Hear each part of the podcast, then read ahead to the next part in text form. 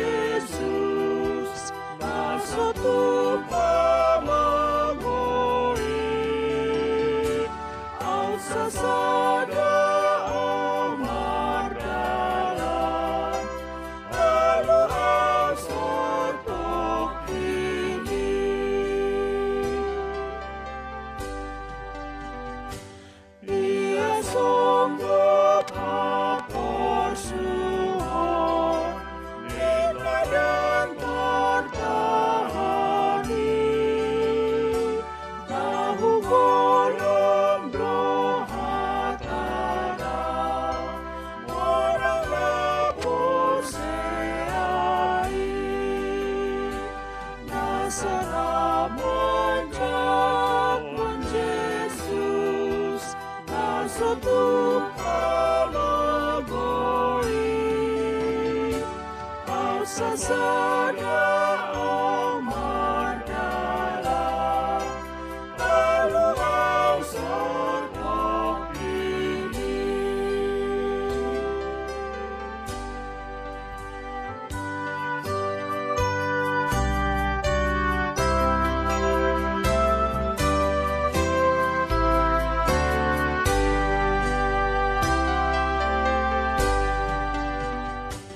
Renungan Harian HKBP Rawamangun, ikutlah aku, Minggu ke-10 setelah Trinitatis, 8 Agustus 2021, dengan judul Lakukanlah Keadilan dan Kebenaran.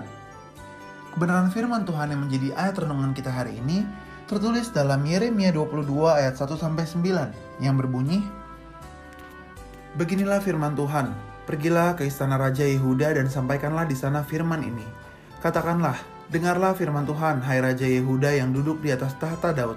Engkau pegawai-pegawaimu dan rakyatmu yang masuk melalui pintu-pintu gerbang ini. Beginilah firman Tuhan. Lakukanlah keadilan dan kebenaran, lepaskanlah dari tangan pemerasnya orang yang dirampas haknya. Janganlah engkau menindas dan janganlah engkau memperlakukan orang asing, yatim, dan janda dengan keras. Dan janganlah engkau menumpahkan darah orang yang tak bersalah di tempat ini. Sebab jika kamu sungguh-sungguh melakukan semuanya itu, maka melalui pintu-pintu gerbang istana ini akan beranak masuk raja-raja yang akan duduk di atas tahta, Daud dengan mengendarai kereta dan kuda. Mereka itu pegawai-pegawainya dan rakyatnya. Tetapi jika kamu tidak mendengarkan perkataan-perkataan ini, maka aku sudah bersumpah demi diriku, demikianlah firman Tuhan, bahwa istana ini akan menjadi pereruntuhan. Sebab beginilah firman Tuhan mengenai keluarga Raja Yehuda. Engkau seperti Gilead bagiku, seperti puncak gunung Libanon. Namun pastilah aku akan membuat engkau menjadi padang gurun, menjadi kota yang tidak didiami orang. Aku akan menetapkan pemusnah-pemusnah terhadap engkau, masing-masing dengan senjatanya. Mereka akan menebang pohon aras pilihanmu dan mencapakannya ke dalam api. Dan apabila banyak bangsa melewati kota ini, maka mereka akan berkata seorang kepada yang lain, Mengapakah Tuhan melakukan seperti itu kepada kota yang besar ini?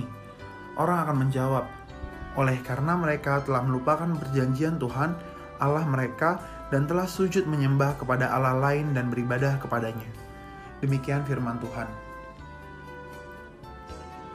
Firman Tuhan hari ini menyapa kita bahwa gereja sebagai persekutuan orang percaya bukan hanya menjadi pembawa pesan, tetapi juga menjadi penggerak untuk memperjuangkan keberadaan orang miskin. Gereja ikut serta bertanggung jawab dalam mewujudkan penegakan keadilan bagi orang miskin, yang diwujud nyatakan dengan tindakan pemberdayaan, peningkatan kemampuan dalam berbagai keahlian untuk membuka belenggu kemiskinan. Inilah yang menjadi tujuan utama gereja selain kegiatan-kegiatan seremonial. Gereja termasuk pimpinan gereja tidak boleh tinggal dalam kemewahan dan turut menikmati hasil ketidakadilan. Gereja terdiri dari orang-orang miskin yang harus diberi kesempatan untuk berbicara dan menemukan diri di dalam gereja. Secara sekilas, kalau dilihat apa yang telah dikerjakan oleh pemerintah hingga saat ini, Cukup banyak program penanggulangan kemiskinan yang dilaksanakan pemerintah, tetapi karena hasil kerja kaum miskin secara keseluruhan lebih banyak diambil oleh segelintir orang, maka kaum miskin tetap saja miskin atau bahkan semakin miskin.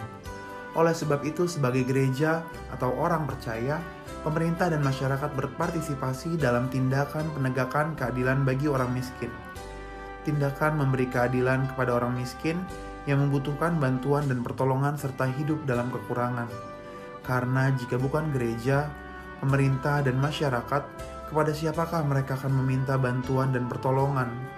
Inilah yang penting untuk direnungkan dan diaplikasikan di dalam kehidupan sehari-hari. Marilah kita berdoa.